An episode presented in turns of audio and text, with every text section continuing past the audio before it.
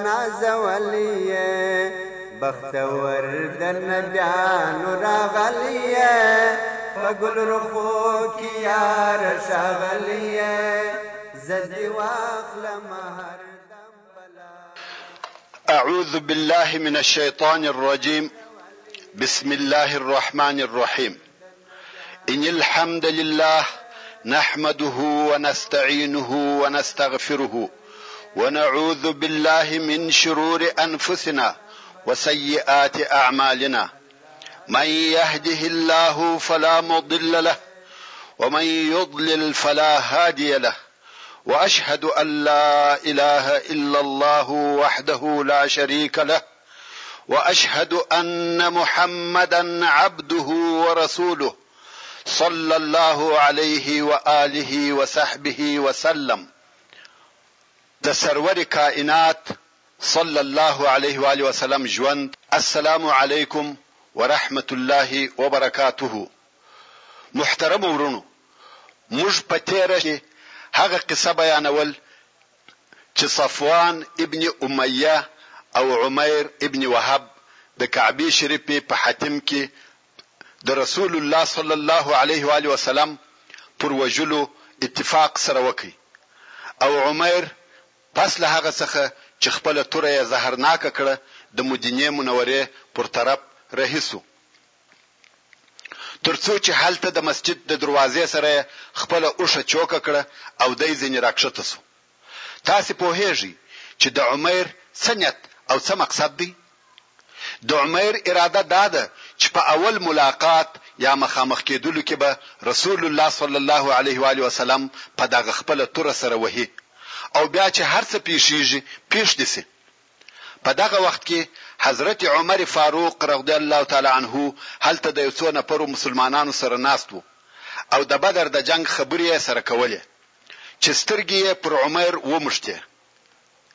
ویل په والله دغه د الله دښمن عمیر نه دی راغلی مګر د یوه شر دپاره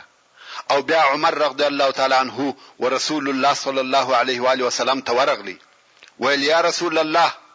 هغه دی د الله دښمن عمیر راغلی او توره په ځړیږي رسول الله صلی الله علیه و آله وسلم وفرمایل، ما تېراوله. عمر رضی الله تعالی عنه و عمیر ته ورغلی او هغه تناو یې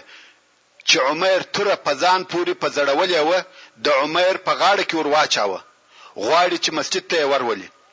خو په دغه وخت کې یې د انصارو و څو نفرو ته هم وویل چې تاسې ولا چې تاسې ولاړ شئ د رسول الله صلی الله علیه و آله وسلم سره کښېنئ او و دغه خبیث ته متوجه اوسئ ځکه دا سړی په باور نه دی بیا یې نو عمر رضی الله تعالی عنه و مسجد ته ورننه ایستی ورونو رضی الله تعالی عنه می په دې ور سره ووایه چې په ورسته کې صادق مسلمان ځنی جوړ شو کوم وخت چې رسول الله صلی الله علیه و آله وسلم ولید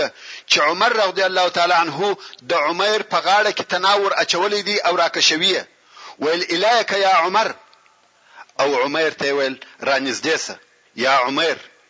عمر ورسول الله صلی الله علیه و آله وسلم ته وردمخ سو او ویل انعمو صباحا چې دا د جاهلیت د وختو او د مشرکانو سلامو رسول الله صلی الله علیه و آله وسلم و فرمایل الله عز وجل موږ ستا تر تحیه په ښه تحیه سره مکرم کړی یو یا عمر چې هغه سلام او د اهل جنت تحیه ده او بیا یې ورته وفرمایل د چی شي د پاره راغلی یا عمر عمر ویل د دغه خپل زوی په باره کې راغلی يم چې ستاسو سره بندي دي او د د په متعلق شرع سره وکه رسول الله صلی الله علیه و آله وسلم وفرمایل دغه توره دې د چیش د پاره په غاړه کې ده عمر ویل الله دې توري خراب کړي آیا موږ ته کومه فائدہ را رسولې ده رسول الله صلی الله علیه و آله وسلم وفرمایل رښتیا راته وای د چیش د پاره راغلی عمر ویل بیل دغه د بل کار د پاره نه راغلی رسول الله صلی الله علیه وآله وسلم وفرمایل، بلکې ته او صفوان ابن امیه په حجر کې سره کښېنستلاست او د قریشو هغه وژل شوي کسان مو یادول چې د بدر په ورځ په هغه څاه کې واچول شوه او بیا تا وویل، که پر ما پور نه وای او دغه اولادونه مې نه وای، زه به د محمد صلی الله علیه وآله وسلم د وژلو دپاره تللی وای. صفوان ستا د پورو او اولادو ذمه په دې شرط پر خپله غاړه واخیسته چې ته ما ووژنې او الله جل جلاله ستا او زما د وژلو په مابین کې حائل دی، یعنې ته دا کار نشې کولای، ځکه الله عزوجل دغه کار منع کوي. عمير ويل، اشهد انک رسول الله، يا رسول الله د کوم شي خبر چې به تا د اسمانه څخه موږ ته راوړی او کومې وحيې چې پر تا نازلېدې موږ په هغو کې ستا تکذيب کاوه مګر دغه خبر چې بې له ما او صفوان څخه بل هيڅوک نه وه حاضر او نه په خبر دي په والله زه پوهېږم چې بې له الله بل چا نه يې په خبر کړی. نو حمد هغه الله لره وي چې زۀ و اسلام ته هدايت کړم او زۀ و دغه ځای ته راوستلم او بيا يې د شهادت حق کلمې وويلې رسول الله صلی الله عليه و آله وسلم و اصحاب کرامو ته وفرمايل دغه ورور ته مو د دين مسائل ور وښووئ قرآن مجيد ورته وواياست او بندې ور اله کړئ سبحان الله په هغه وخت کې فاکس و که تليفون ټيپ وکم خابره چې دغه حالات د هغه په واسطه ورسول الله صلی الله علیه و آله وسلم ته ورسول شو یا دغه شیان یو هم نه و بلکې تر دې ټولو مهمه او د خبر رسولو لو بل وسیله و چې د هغه په واسطه دغه خبر ورسول الله صلی الله علیه و آله وسلم ته ورسېدی چې هغه الهي وحی وي د نبوت او رسالت ټول کارونه تر بشري عقل او طاقت لوړ وي، دا هم د الهي معجزو څخه او د رسول الله صلی الله علیه و آله وسلم د رسالت د اثبات لپاره یوه معجزه وه. دلته په مدینه منوره کي عمیر رضی الله تعالی عنه مسلمان سو او هلته په مکه مکرمه کې صفوان و نورو مشرکانو ته وايي، زېری درکوم چې په راتلونکو نږدې ورځو کې به د داسې واقعې خبر واورئ چې د بدر قصه به درڅخه هېره کړي او صفوان به د هر هغه چا څخه چې مکې مکرمې ته به ورتلی د عمير د حالاتو پوښتنه کول تر څو چې د عمير د اسلام خبر ورته راورسېدی، بيا نو صفوان قسم ياد کړ چې هېڅکله به د عمير سره خبرې نه کوي او هېڅکله به په هېڅ شي کې فايده نه ورسوي. عمير چې مکې مکرمې ته راغلی، هلته يې په اسلامي دعوت شروع وکړه او خلق يې و اسلام ته رابلل او د ده پر لاس ډېر خلق و اسلام ته داخل شوه. موږ مخکې د هغه عهد او معاهدې مادې درته بیان کړې کوم چې رسول الله صلی الله علیه و آله وسلم د یهودو سره کړې وه. رسول الله صلی الله علیه و آله وسلم او مسلمانانو د هغه شیانو د عملي کولو ډېر کوښښ کاوه کوم چې په هغه معاهده کې ذکر شوي وه. او واقعا هم د مسلمانانو څخه هیڅ داسې کار نه شو پیښ چې هغه دې د هغه معاهدې د مادو څخه یو حرف مخالف وي مګر یهود، هغه یهود چې د دوی تاریخ په غدر او خیانت، وعده خلافي او چم ډک دی هغو خپل ځانونه نه شوای ټینګولای. چې د هغه خپل پخواني خائنانه طبیعت سره موافق عمل ونه کړي نو یې د مسلمانانو په صفو کې د چم او دسیسو، تشویش او اضطراب، پارولو او خطا ایستلو په عملي کولو شروع وکړه چې اوس به یوه نمونه درته بیان کړم. ابن اسحاق رحمه الله وایي، شاث ابن قیس چې یو سپین ږیری یهودي وو، لوی کافر او متعصب شخص وو د مسلمانانو سره یې ډېر حسد ډېر حسد او عداوت درلود یوه ورځ پر لارې رهي وو ویې لید چې د رسول الله صلی الله علیه و آله وسلم اصحاب چې د اوس او خزرج د قبیلې څخه وه په یوه مجلس کې سره ناست دي او خبرې سره کوي د دغه یهودي دغه د دوی الفت او محبت د دوی صلح او پر اسلام سره یو ځای کېدل د دوی اتحاد او اتفاق نه سوه خوښ. یهودي ته دا ور معلومه وه چې د جاهلیت په وختو کې د دغو قبیلو په مابین کې څونه عداوت پروت وو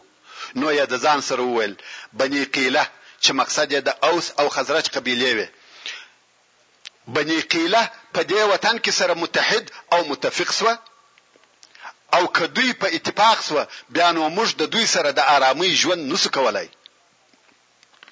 نو دغه يهودي د دوی د اختلاف او جنګولو د پاره څه وکړه یو ځوان يهودي چې د ده سره ملګری وو و هغه ته یې وویل ورسه د دوی سره کښېنه او هغه د بعاث د جنګ خبرې شروع کړه وروڼو د بعاث جنګ یو ډیر لوی او شدید جنګ دی چې تر هجرت د مخه د مدینې منورې د دوو قبیلو چې اوس او خزرج وې په مابین کې تیر شوی وو چې د دواړو طرفو ډیر کسان پکښې ووژل شوه او دواړو طرفو ته ډیرې خرابۍ او بربادۍ پکښې ورسیدې نو دغه یهودي هغه بل یهودي امر کوي چې ورسه د دوی سره کښېنه او د بعاث د جنګ خبرې شروع کړه او ځینې هغه بیتونه وایه چې دغه دوو قبیلو په هغه جنګ کې ویل یعنې هغه زوړ او وژل شوی اور پکښې تازه که دغه یهودي ځوان هم ورغلی او دا کار یې وکړ سبحان الله خلق نوي مسلمانان شوي دي تر اوسه لا شیطان خپل شیطانت پر عملي کولای شي د یهودي د خبرو په سبب په قوم کې د اختلاف او فخر خبرې شروع شوې تر څو چې دوه نفره یو د بل په مقابل پر ځنګنو سره کښېنسته او اوازونه یې لوړ شوه او بیا یوه و هغه بل ته وویل، که دې خوښه وي بیرته به د سره هغه جنګ شروع کړو، یعنې د دغه اهلي جنګ دپاره بیا تیار او اماده یو. کرار کرار دواړې ډلې په قهر شوې او ویل، سره معلومه بې کړو، زموږ او ستاسې د معلومېدو ځای حره دی. نارې شوې، اسلحه! اسلحه! خلق وحرې ته سره ووتل. رسول الله صلی الله علیه و آله وسلم ته دا خبر ورسېدی. کوم مهاجر اصحاب چې ورسره ناست وه د هغو سره و انصارو ته ورغلی او ویل، یا معشر المسلمین! الله الله ابدعوی الجاهلیة وانا بین اظهرکم؟ یعنی ای مسلمانانو! ایا د ایا د جاهلیت کارونه کوئ او زه ستاسې په مابین کې یم؟ پس له هغه څخه چه الله عزوجل و اسلام ته هدایت کړاست او په اسلام یې مکرمه کړاست د کفر څخه یې خلاص کړاست د جاهلیت کارونه یې در څخه ایسته کړه ستاسې په زړو کې الفت او محبت در واچاوه قوم پوه سو چه دا شیطاني وسوسه او د دوی د دښمن د طرفه چم وو په ژړا سوه د اوس او خزرج د قبیلو خلقو یو د بل سره غاړه په غاړه سوه او د رسول الله صلی الله علیه و آله وسلم د اوامرو اورېدونکي او منونکي رهیس وه نو الله عز و جل د عدو الله شاث ابن قیس چم او خیانت ناکامه کړ. دا د هغو اعمالو یوه نمونه وه چې یهودو د مسلمانانو په صفو کې د تفرقې او جنګولو لپاره عملي کولې. او نن ورځ د دغسې اعمالو ډېر مثالونه د یهودو د طرفه په ډېرو اسلامي ملکو کې لیدل کېږي چې د خپلې کامیابۍ لپاره اسلامي امت یاوه جنوب او شمال ته سره ویشي یا یوه شیعه او سني ته سره ویشي یا یې د ژبې او قومیت پر اساس سره ویشي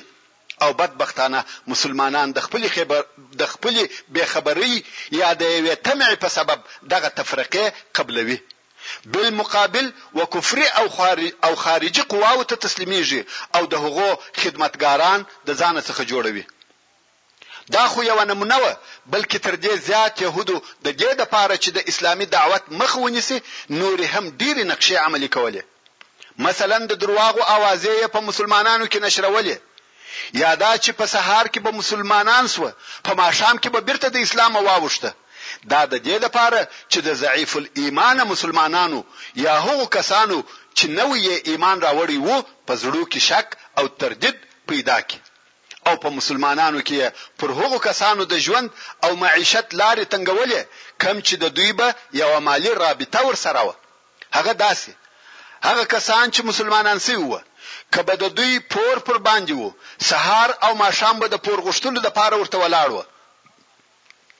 او که به بیا د هغو پور پر باندې و، هغه یې ځینې خوړی او نې ورکاوه، هغو ته به یې ویل، ستا پور هغه وخت صحیح او راباندې و چې ته د خپلو پلرو پر دین وې. مګر دا چې ته اوس د دینه واوښتې نو ستا پر موږ هیڅ حق نشته. یهودو دا کارونه ټول تر بدر د مخه کول، سره د دې چې دوی د رسول الله صلی الله علیه و آله وسلم سره هغه معاهده هم درلوده. خو رسول الله صلی الله علیه و آله وسلم او اصحاب کرامو پر دغه ټولو مخالفتو په دې امید صبر کاوه چې شاید یوه ورځ یهود و سمې لارې ته راشي. او په منطقه کې امن او سلام موجود وي خو اوس چې یهودو ولیده چې الله عزوجل و مسلمانانو ته د بدر په میدان کې پوره نصر او بری ورکړي او اوس مسلمانانو عزت او شوکت هیبت او دبدبه پیدا کړه د یهودو قهر او غضب عناد او حسد نور هم زیات سوه نو يې هغه خپل شر او عداوت ښکاره کړ، بغاوت او ازارونه يې زيات کړه. په يهودو کي يو سړی وو چي په حسد او عناد، شر او عداوت کي تر نورو يهودو زيات وو او دغه سړی کعب ابن اشرف نومېدی چې قصه بې لږ وروسته په تفصیل سره درته بیان شي. همدا رنګه لکه د مخه چې درته وویل شوه چې د مدینې منورې یهود و درو قبیلو ته ویشل شوي وه چې یوه یې د بني قینقاع قبیله وه او دغه قبیله د ننه په مدینه منوره کې په یوه کلي کې اوسیده چې هغه کلی هم د دوی په نامه سره یادیدی او دغه یهود کاسبان، زرګران، اهنګران او د لوښو جوړونکي وه. چې د دغه کسبو په سبب دوی مالداره او د قسم قسم اسلحو خاوندان هم وه، اووه سوه نفره یې جنګي ځوانان درلوده، د مدینې منورې د یهودو هغه قوي او دلاوره قبیله هم دوی وه او اول هغه څوک چې د رسول الله صلی الله علیه وآله وسلم او مسلمانانو سره یې عهد او وعده مات کړه همدغه د بني قینقاع یهود وه. کوم وخت چې الله عزوجل و مسلمانانو ته په بدر کې بری ورکړي، دغه قبیلې په خپل طغیان او سرکشي کې شدت وکړي، داسې کارونه یې کول چې مسلمانان په قهر کې، په مسلمانانو یې پوسخندونه وهل، څرنګه چې دوی د کسب او صنعت خاوندان او تاج او تجاران وه، او دا خو تاسې ته معلومه ده چې د یهودو اصلي کار او پېشه تجارت او صنعت دی، نو دوی یو بازار درلود، د مسلمانانو څخه چې به هر څوک د دوی بازار ته د شي د رانیولو یا خرڅولو لپاره ورغلی، دوی به ازاراوه، حتی پر مسلمانو ښځو یې تعرضونه کول، کوم وخت چې د دوی دغه کارونه ډېر شوه او سرکښي یې زیاته شوه، نو رسول الله صلی الله علیه وآله وسلم دوی سره راټول کړه. نصیحت یې ورته وکړ، و صلحې او سمې لارې ته یې راوبلل، د دوی د دغه سرکښۍ نتیجه یې ورته بیان کړه، خو په عوض د دې چې دوی اصلاح شي، شر او عداوت یې نور هم زیات شو.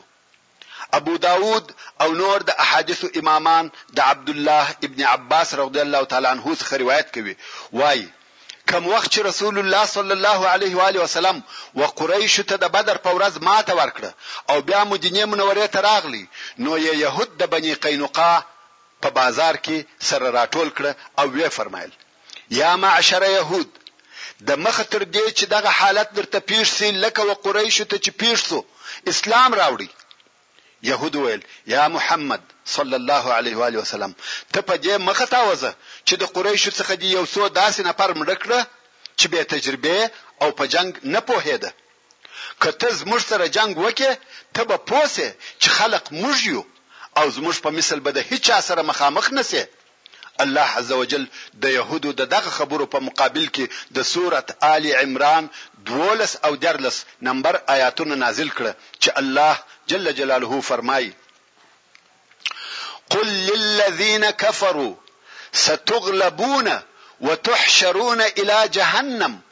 وبئس المهاد يعني اې محمده صلی الله علیه وآله وسلم و دغه کفارو ته ووایه چې ډېر ژر به په دنیا کې مغلوب شئ او په آخرت کې به و جهنم ته وشړل شئ او دغه، جهنم، د استوګنې لپاره ډېر بد ځای دی.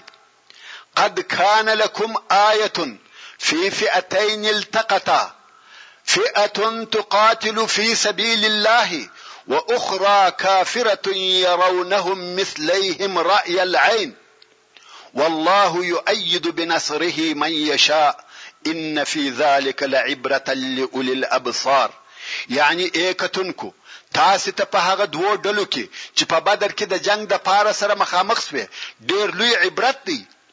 یوه ډله وه چې د الله عزوجل په لار کې جنګ کاوه او بله ډله وه چې کافره وه، دوی به هغه ډله دوه چنده لیدل او الله عزوجل په خپل نصرت سره تائید د هغه چا کوي چې د ده جل جلاله خوښه وي، بېشکه چې په دغه ډېر لیدلو کې د بصیرت د خاوندانو دپاره عبرت دی، ورونو د دغه آیات شریف د ترجمې د ښه پوهیدلو د پاره مجبور یو چې بیرته د بدر و غزا ته ولاړ شو. د بدر په غزا کې د مشرکانو شمیر تقریبا و زرو کسانو ته رسیدی چې د سپرتیا او حلالولو د پاره پوره شمیر اوښان او آسان او پوره اسلحه ورسره وه او بل طرف ته د اسلامی لښکر عدد تر درو سوو لږ څه زیات وو. چې اویا اوښان، دوه آسه او ډېره لږ اسلحه ورسره وه. خو د تعجب ځای دا و چې په ځینو وختو کې هر لښکر ته هغه بل مخامخ لښکر د خپل ځان په حساب دوه چنده معلومېدی چې د هغه نتیجه دا شوه چې د کافرانو په زړو کې د مسلمانانو د دې ډېروالي په سبب ډېره ورولوېده. او مسلمانانو ته د کافرانو د دغه دوه چنده شمېر په سبب پر الله عز وجل اعتماد او توکل پیدا شو او خپل رب ته نور هم متوجه شوه نو الله عز وجل په دغه آیات شریف کې دغه موضوع ته اشاره کوي خیر بیرته د بني قینقاع د یهودو قصې ته راشه د یهودو د دغه جواب څخه دا معلومه سوه چې دوی و رسول الله صلی الله علیه و آله وسلم او مسلمانانو ته په جنګ سره اعلان وکړي چې موږ ستا د جنګ څخه نه بیریږو او که ته زموږ سره جنګ وکې هلته به در معلومه سي چې جنګیالي او توریالي څوک دي خو رسول الله صلی الله علیه و آله وسلم خپل قهر او دا موضوع په ځان کې پټ کړه رسول الله صلی الله علیه و آله وسلم او مسلمانانو صبر وکړي او د هغه څه په انتظار و چې د شپو په تیریدو سره مخ ته راځي د بنی قینقاع د يهودو نور هم جرأت او جسارت زیات سو په خپلو اعمالو یې د خپل ځان د بربادۍ کوښښ کاوه او په خپل عمل سره یې پر خپلو ځانو د ژوند کولو لارې بندې کړې. ابن هشام د ابي عون څخه روایت کوي چې د مسلمانانو څخه یوې ښځې یو شی د خرڅولو دپاره د بني قینقاع و بازار ته یووړ او هغه یې خرڅ کړ او بیا د یوه زرګر دکان ته ورغله او هلته کښېنسته، غواړي چې د خپلې خوښې یو شی رانیسي. اول خو زرګر غوښته چې دا مخ لس کړي. دې د دې کاره څخه ممانعت وکړ. بیا یو بل خبیث یهودي پټ ورغلی، د دې په بې خبرۍ کې یې د دې د کالو یو کونج لوړ د دې د غاړې سره وتړی او دا بې خبره ناسته ده. اوس خو هیڅ نه ده پېښه. کوم وخت چې سودا یې خلاصه شوه، نو ښځه ولاړه شوه. څرنګه چې کالي يې لوړ تړلي وه، د بدن يوه حصه يې ښکاره شوه او يهودو پر وخندل. دې د دغه لوڅوالي سره يوه لو چغه وکړه، دلته يو مسلمان سړی هم ولاړ و او يو شی رانيسي. دا حال يې وليد چې يوه مسلمانه مستوره ښځه لڅه شوه او هغه يهودي چې دا کار يې کړی دی ولاړ دی او خاندي. مسلمان سړی دا واقعه ويني. څرنګه چې د شرف موضوع وه، د دې تحمل یې نه شوای کولای، پر یهودي یې را واچول او مړ یې کړ. یهود بیا ټوله پر مسلمان را ټول شوه او مسلمان یې ووژه. د مسلمان نورو اقرباوو د مسلمانانو څخه کومک وغوښت، نو د مسلمانانو او د بني قینقاع د یهودو په مابین کې شر جوړ شو. کوم وخت چې رسول الله صلی الله علیه و آله وسلم ته خبر ورسېدی، یهودو ته حال ولېږی چې هغه نفر را تسلیم کړئ چې دغه مسلمان یې وژلی دی، قاتل غواړي. مګر بنی قینقاع دا ونه منل چې قاتل دې ور تسلیم کړي. د هغه مجرمانو تر څنګ ودرېده. نو د قاتل د نه تسلیمېدو په سبب هغه عهد چې د رسول الله صلی الله علیه و آله وسلم او یهودو په مابین کې وو، د یهودو د طرفه مات شو. دلته نو رسول الله صلی الله علیه و آله وسلم امر وکړي چې لشکر جوړ کړي د مسلمانانو لشکر جوړ شو او د لشکر بیرغ یې و حمزه ابن عبد المطلب رضی الله تعالی عنه ته ورکړي لشکر د بنی قینقاع پر طرف حرکت وکړي يهودو چې لشکر ولیدي په قلاو ننوتل او دروازې بندې کړې او مسلمانانو ته او مسلمانانو د دباندې د طرفه محاصره کړه اوس نو د بني قینقاع یهود په یو څو شیانو غره دي اول خو دوی اووه سوه نفره مسلح فوج لري او بل دننه په قلاوو کې د اوبو څاهان لري کښتونه او حیوانات یې دننه په قلاوو کې وه د دباندې څخه یې وهیڅ شي ته ضرورت نه درلودی او هغه خوراکي مواد چې د دوی سره دننه په قلاوو کې موجود وه پوره یو کال یې بس وه نو دوی د ننه په قلاوو کې کښېنستل او رسول الله صلی الله علیه و آله وسلم ته یې د جنګ اعلان وکړ. رسول الله صلی الله علیه و آله وسلم حال ورولېږي چې زه ستاسې سره کار نه لرم فقط هغه قاتل را تسلیم کړئ خو هغو ویل یا محمد صلی الله علیه و آله وسلم تا پر موږ هم د قریشو خیال کړی دی موږ جنگي خلق یو که جنگ کوي جنگ در سره کوو اوس د دوی د طرفه تهدیدونه شروع شو. یهود پر خپل کفر او خیانت ټینګار کوي او مسلمانانو په قلاوو کې محاصره کړي دي. دا محاصره د هجرت د دوهم کال د شوال د میاشتې د پنځلس تاریخ څخه شروع شوه او د ذوالقعدې تر اولې شپې پورې یې دوام درلود، یعنې پوره پنځلس ورځې د محاصرې تېرې شوې. او بیا هم دوام لري خو الله عز وجل د یهودو په زړو کې بیره ور واچول او دا هغه بیره ده چې کوم وخت الله عز وجل د یوه قوم د شکست او ماتیدو اراده وکړي دغه بیره یې په زړو کې ور اچوي نو یهودو د دغه بیرې په سبب عذر او زارۍ شروع کړې ویل یا محمد صلی الله علیه و آله وسلم امان راکه رسول الله صلی الله علیه و آله وسلم ویل امان نسته یهود نفر ورلیږي عجز او زارۍ کوي صلح غواړي خو رسول الله صلی الله علیه وآله وسلم وايي هیڅکله صلح نه کیږي بې له جنګه بله لار نشته پس له ډیرو زاریو رسول الله صلی الله علیه وآله وسلم ورته وویل تاسې تسلیم شئ بیا نو زما خوښه ده که مې وژلاست که مې پرېښولاست هغه زما اختیار دی خو تاسې به بې له قیده او شرطه تسلیمیږئ په دغه طریقه د جنګه خلاص یاست. سبحان الله.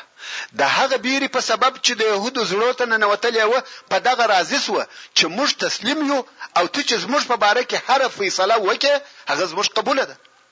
د اسلام او مسلمانانو هیبت او دبدبه دونه لوړ او مؤثر وه چې اووه سوه جنګي ځوانان ټول ورسول الله صلی الله علیه وآله وسلم ته تسلیم شوه. ټول یې بندیان کړه او د ټولو لاسونه یې ور وتړل. اوس خلق په انتظار دي چې رسول الله صلی الله علیه و آله وسلم به د دغه بني قینقاع د یهودو په باره کې څه امر وکړي؟ رسول الله صلی الله علیه و آله وسلم و لږو اصحاب کرامو ته ویلي وه چې غواړي دغه اووه سوه نفره ټوله ووژني، یو یې هم ژوندی پرې نه ږدي. دلته نو د یهودو دوست لوی منافق عبدالله ابن ابی ابن سلول د خپل منافقت د رول په عملي کولو شروع وکړه. اوس چې عبدالله منافق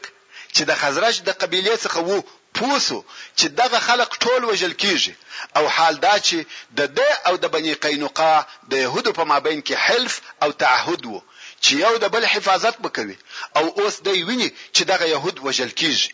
او که ووژل شو بیا نو ده ته عزت او کومک نه پاته کیږي نو و رسول الله صلی الله علیه و آله وسلم ته ورغلی د دغه یهودو د پاره عفو ځني غواړي رسول الله صلی الله علیه و آله وسلم لا تر اوسه حکم نه دی صادر کړی چې عبدالله منافق یې مخ ته کښینستی او ورته وایي یا رسول الله احسن الی موالی یعنی زما د متعهدینو دوستانو سره نیکی وکه عبدالله چې په ښکاره مسلمان دی او په دننه کې لوی کافر او د کفارو ملګری دی اوس د دغه مجرمینو، یهودو، دفاع کوي او وایي احسن احسن الی موالی رسول الله صلی الله علیه و آله وسلم مخ ځینې واړاوه او د ده جواب یې ورنکړ. عبدالله یې بیا و مخته کښېنستی او وایي یا رسول الله زما د متعهدینو سره نیکي وکړه. رسول الله صلی الله علیه و آله وسلم د ده د خبرې جواب نه ورکوي او مخ یې ځنې واړاوه. رسول الله صلی الله علیه و آله وسلم تر اوسه لا د جنګ لباس چې زغره ده، اغوستی ده. عبدالله ابن ابی منافق بیا د رسول الله صلی الله علیه و آله وسلم و مخ ته کښېنستی او لاس یې تر زغره ور دننه کړ. رسول الله صلی الله علیه و آله وسلم یې تر کمیس ونیوی او ویل، یا رسول الله! زما د متعهدینو سره ښه وکړه. رسول الله صلی الله علیه و آله وسلم په قهر سو او ویل ویحک ارسلنی الامک مګر منافق بیا هم دا نیت کړی دی چی دغه یهود به خلاصوی ویل یا والله تر هغو دی نه ایله کوم چی زما د متعهدینو سره نیکی او احسان ونه کې درې سوه نفر چې زغرې اغوستي دي او څلور سوه نفر لڅ بې له زغرو دي دغه اووه سوه نفر په یوه وار حلالوې، حال دا چې دوی زه په یخ او ګرمۍ کې ساتلی یم، بیا نو ماته څوک راپاته کېږي او زه یو سړی یم چې د جنګو سره مخامخ کېږم. رسول الله صلی الله علیه و آله وسلم چې هر څه ممانعت کوي، خو منافق عبدالله ابن ابی پر خپله غوښتنه ټینګ دی، بالاخره رسول الله صلی الله علیه و آله وسلم د دغه منافق سره هغه چې د ده پر اسلام فقط یوه میاشت تېره شوې وه د مراعت معامله وکړه او یهود یې و ده ته ور پرېښوول او ویل دوی به د مدینې منورې څخه وځي دلته به بیا زما همسایه توب نه کوي. اوس نو د بني قينقاع يهود د شام و طرف ته وځي او ځيني يې و خيبر ته ولاړه او هلته په خيبر کي د يهودو يو ځای کېده شروع سوه. دا د بني قينقاع د يهودو د غزا قصه وه چي څنګه شروع سوه او څنګه پای ته ورسېدله. په دغه وختو کي چي صفوان ابن اميه او يهود او منافقين په دغه خپلو دسيسو او عملياتو مشغول وه، ابوسفیان د قریشو مشر د داسې یوه کار په باره کې فکر کوي چې تاوان یې لږ او اثر یې ښکاره وي او غواړي چې داسې یو کار ډېر ژر عملي کړي چې په هغه سره د ده د قوم عزت وساتل شي او د دوی قوت په ښکاره شي نو یې د بدر تر ذلیل شکست وروسته قسم یاد کړي چې تر څو پر مسلمانانو حمله ونه کړي د جنابت غسل به نه کوي یعنې خپلې ښځې ته به نه ور نږدې کېږي نو يې کفار سره راټول کړه ویل څوک زما سره یو ځای کیږي چې د محمد صلی الله علیه و علیه وسلم پر ضد جنگ وکړو وې کولای شوای چې 200 نفر سره یو ځای کی او د دغه 200 نفرو په ملګرتیا د مدینه منورې پر طرف رهي شو څو نږدې و مدینه منورې ته ورسېده مګر اوس دا جرئت نه لري چې په ښکاره پر مدینه منوره حمله وکړي، نو یې د مدینې منورې څخه لیرې خیمې ودرولې او د مدینې منورې د یهودو سره یې ارتباط ونیوی، نفر ورلیږي چې زموږ سره کومک وکړي، څو په خپله ابو سفیان د شپې په تاریکه کې په پټه د مدینې منورې و اطرافو ته ورغلی، اول د حیی ابن اخطب کور ته ورغلی، د هغه دروازه یې ور وټکول، هغه دا دده غوښتنه نه کړه قبوله. ویل زه د محمد صلی الله علیه و آله وسلم څخه بیریږم بیا سلام ابن مشکم ته چې د بنی نظیر مشر او رئیس وو ورغلی هغه دروازه ور خلاصه کړه د ده عزت یې وکړ شراب یې سره وچښل د مسلمانانو حال او اخبار یې ورته ووایه د دغه خبرو په واسطه ابو سفیان په دغه شپه د مدینې منورې د اطرافو پر یوه ځای چې العریض ورته ویل کېده حمله وکړه، درختې یې ماتې کړې، کومې مېوې چې هلته پرتې وې هغه یې وسوځلې او د انصارو څخه یو سړی چې هلته موجود و هغه یې په شهادت ورساوه او بیرته مخ پر مکه مکرمه په تېښته رهي شو. رسول الله صلی الله علیه وآله وسلم ته چې دا خبر ورسېدی، ډېر ژر په ابو سفیان او د هغه په ملګرو پسې ور ووتی، خو ابو سفیان او ملګري یې په ډېر تلوار او چابکي سره تښتي، کوم خواړه چې د دوی سره ورسره وه هغه پر لارې غورځوي چې ځانونه سپک کړي او وتښتي. نو په دغه طریقه سره د مسلمانانو څخه خلاص سوه. ابو سفیان خپل قسم پر ځای کړ او پر مسلمانانو یې حمله وکړه، رسول الله صلی الله علیه و آله وسلم او مسلمانان تر قرقرة الکدر پوري پسي ولاړه خو کفار یې نه ونیول او بیرته را وګرځیده. د بیرته راتګ په لار کي مسلمانانو هغه خواړه راټولول چي کفارو د تیښتي په وخت کي غورځولي وه. چې په دغه خوړو کې یو قسم خواړه وه چې سویق یې ورته ویل، نو ځکه دغه غزا ته غزوة السویق ویل کیږي او دغه غزا د هجرت د دوهم کال د ذوالحجې په میاشت کې تر بدر دوې میاشتې وروسته وه. د ذی امر غزا، دغه غزا هغه لویه عسکري حمله ده چې تر احد دمخه د رسول الله صلی الله علیه وآله وسلم په قیادت شوې ده. او د دغې غزا د پېښېدو سبب دا و چې د مدینې منورې استخباراتو و رسول الله صلی الله علیه و آله وسلم ته دا خبر راوړ چې د بني ثعلبه او د محارب قبیلو ډېر زیات شمېر خلق سره یو ځای کړي دي غواړي چې د مدینې منورې پر اطرافو حمله وکړي، نو رسول الله صلی الله علیه و آله وسلم د مسلمانانو لښکر جوړ کړ، چې د دې لښکر د سپرو او پیاده وو شمېر څلور سوه پنځوس نفره وو. دې لښکر د هجرت د دوهم کال د محرمې په میاشت کې د دښمن پر طرف حرکت وکړ. مسلمانانو په لار کې یو سړی ونیو، چې جبار نومېدی. او د بني ثعلبه د قبیلې څخه وو، دغه سړی یې ورسول الله صلی الله علیه و آله وسلم ته راوستی، رسول الله صلی الله علیه و آله وسلم و اسلام ته دعوت کړ او هغه هم مسلمان شو، دا سړی یې د حضرت بلال رضی الله تعالی عنه ملګری کړ چې اسلام ور وښیي او سړی په عین حال کې د مسلمانانو و لښکر ته لار هم ورښیي، چې د دښمن ومځکې ته باید څنګه او پر کومه لار ورسی. هلته بیا وکفارو ته خبر ورسیدی چې د مدینې منورې لښکر رارهی دی. څرنګه چې کفارو د جنګ دپاره پوره تیاری نه وه نیولې نو کفار د غرو وسرو ته وتښتیده. رسول الله صلی الله علیه و آله وسلم د خپل لښکر سره د دوی د استوګنې وځای ته ورسیدی او هلته یې د هغه اوبو سره واړول چې د ذی امر اوبه ورته ویل کیدې. نو د دې سببه و دغه غزا ته د ذي امر غزا ويل کيږي. رسول الله صلی الله عليه وآله وسلم د دغه اوبو سره خيمې ودرولې او د صفر مياشت يې ټوله هلته تيره کړه دا د دې د پاره چې ټول عرب د مسلمانانو په قوت او طاقت خبر شي او په زړو کې يې د مسلمانانو څخه بيره ځای ونيسي. او عرب په دې پوه شي چې د اسلام قوت د حجاز څخه و نجد ته ورسېدی ځکه دغه قبیلې په غطفان کې وې او غطفان په نجد کې دی. په دې غزا کې جنګ یا یوه بله د یادولو وړ کومه لو واقعه نه شوه پېښه بې له یوې کوچنۍ واقعې څخه هغه دا چې د رسول الله صلی الله علیه وآله وسلم دا عادت و چې ځینې وختونه به د خلقو څخه ګوښه کېدی هلته به یوازې ناست و، د الله جل جلاله عبادت او د خپل رب سره به مناجات کاوه، نو رسول الله صلی الله علیه وآله وسلم د خپل عادت سره سم پس له خیمو درولو څخه ولاړ، هلته تر یوه درخته لاندې کښېنست. د دغه قبیلو خلق چې د غرو سرو ته ختلي دي، رسول الله صلی الله علیه وآله وسلم یې وپېژند، ویل، والله بل وخت یې بیا دغسې په تنهایي کې نشو پیدا کولای، څوک د ده د وژلو دپاره ورځي؟ یو نفر چې دعثور ابن الحارث نومېدی هغه ویل زۀ وژنم نو دغه دعثور په کراره کراره د غره څخه راکښته شو څو رسول الله صلی الله علیه و آله وسلم ته ورسېدی او څوک نه دي په خبر رسول الله صلی الله علیه و آله وسلم په دغه وخت کې تر درخته لاندې بدو اوس نو دعثور د رسول الله صلی الله علیه و آله وسلم و سر ته توره په لاس ولاړ دی، په دغه وخت کې رسول الله صلی الله علیه و آله وسلم راویښ شو او ویې لیده چې دعثور ورته ولاړ دی او توره یې په لاس کې ده، غواړي چې رسول الله صلی الله علیه و آله وسلم ووهي، دا داسې حالت دی چې هیچا ددې خیال او ګمان نه کاوه چې داسې دې پېښه شي، خو اوس دعثور توره په لاس ولاړ دی او ویل، یا محمد! صلی الله علیه و آله وسلم اوس مې څوک ستا څخه منع کوي د ده په فکر کار خلاص دی فقط یې واری غواړي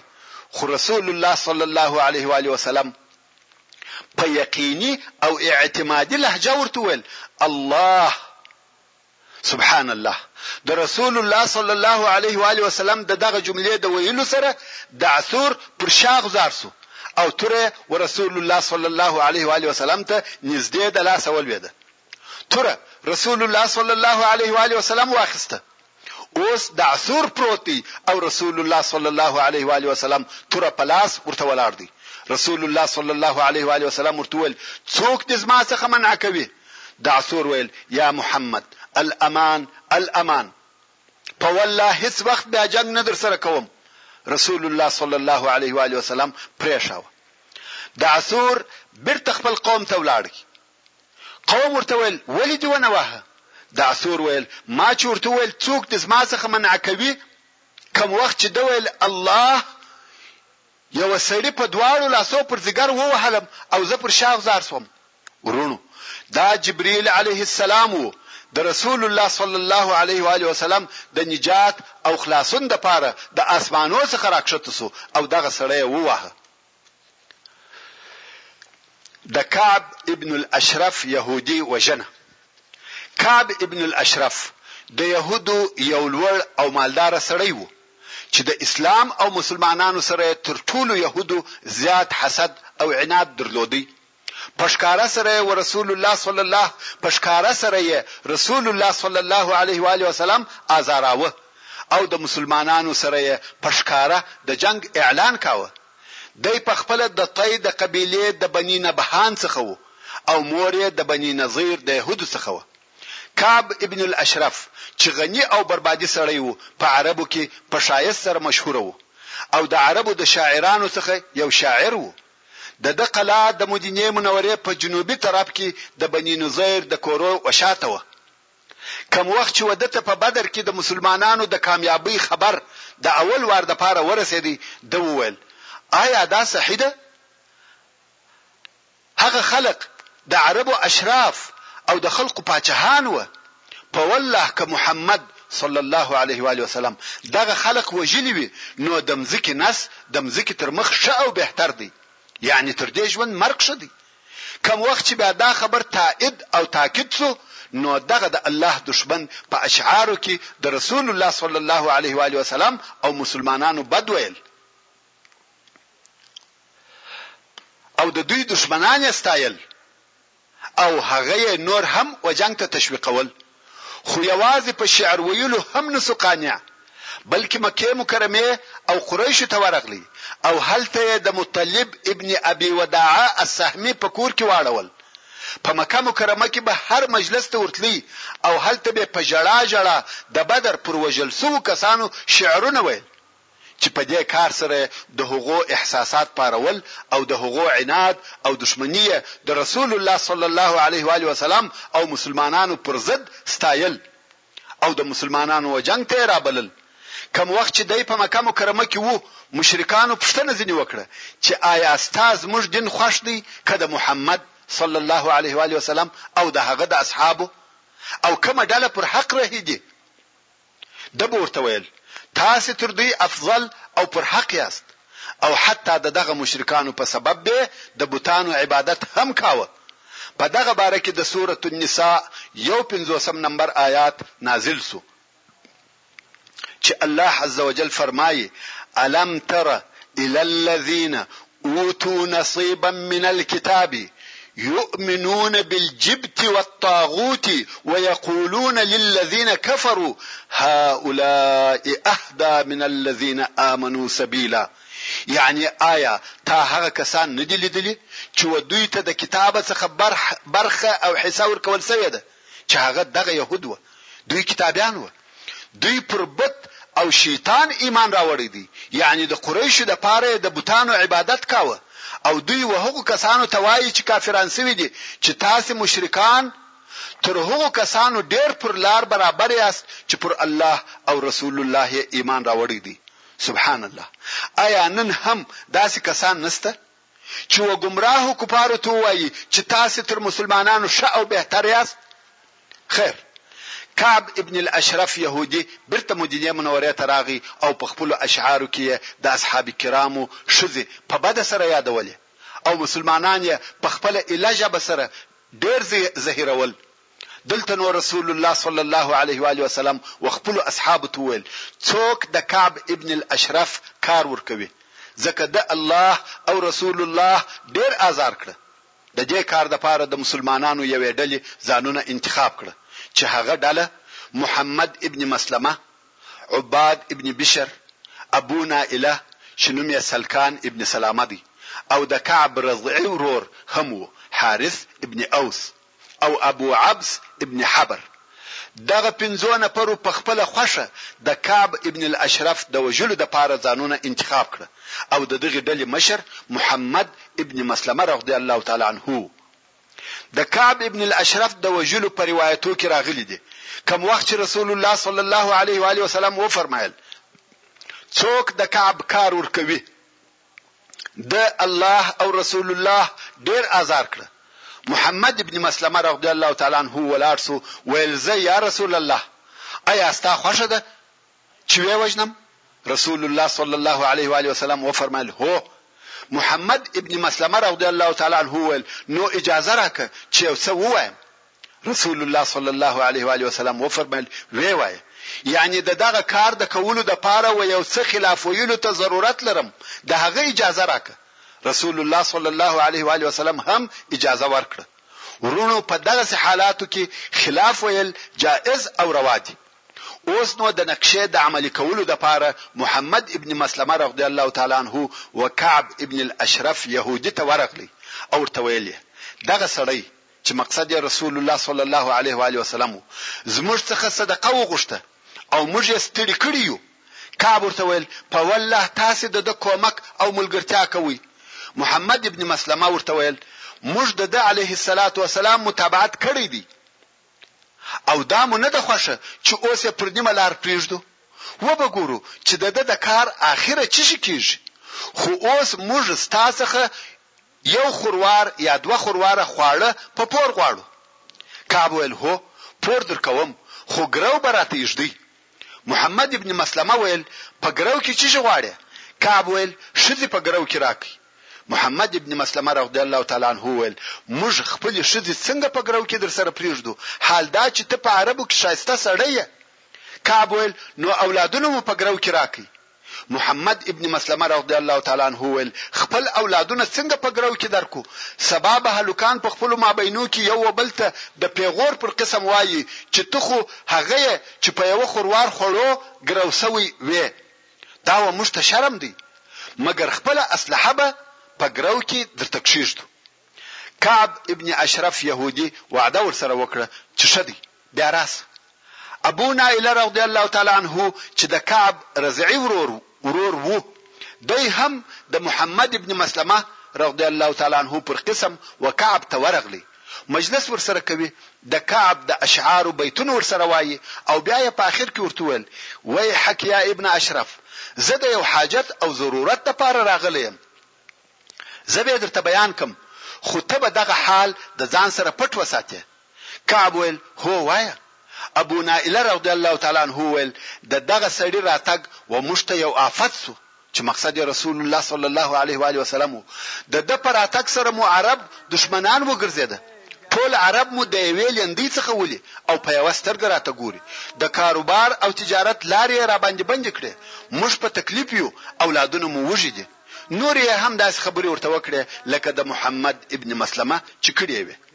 او ابو نائله د خبرو د خپلو خبرو په مابين کې دا هم ورته وويل چې زما سره دغه زما د رايې او نظر نور ملګري هم شته او زه غواړم چې هغه هم و تاته راولم. محترمو وروڼو پاته قصه به ان شاء الله تعالی په راتلونکې کې واورئ. وما توفيقي الا بالله وهو السميع العليم وصلى الله تعالى على خير خلقه محمد واله واصحابه واهل بيته اجمعين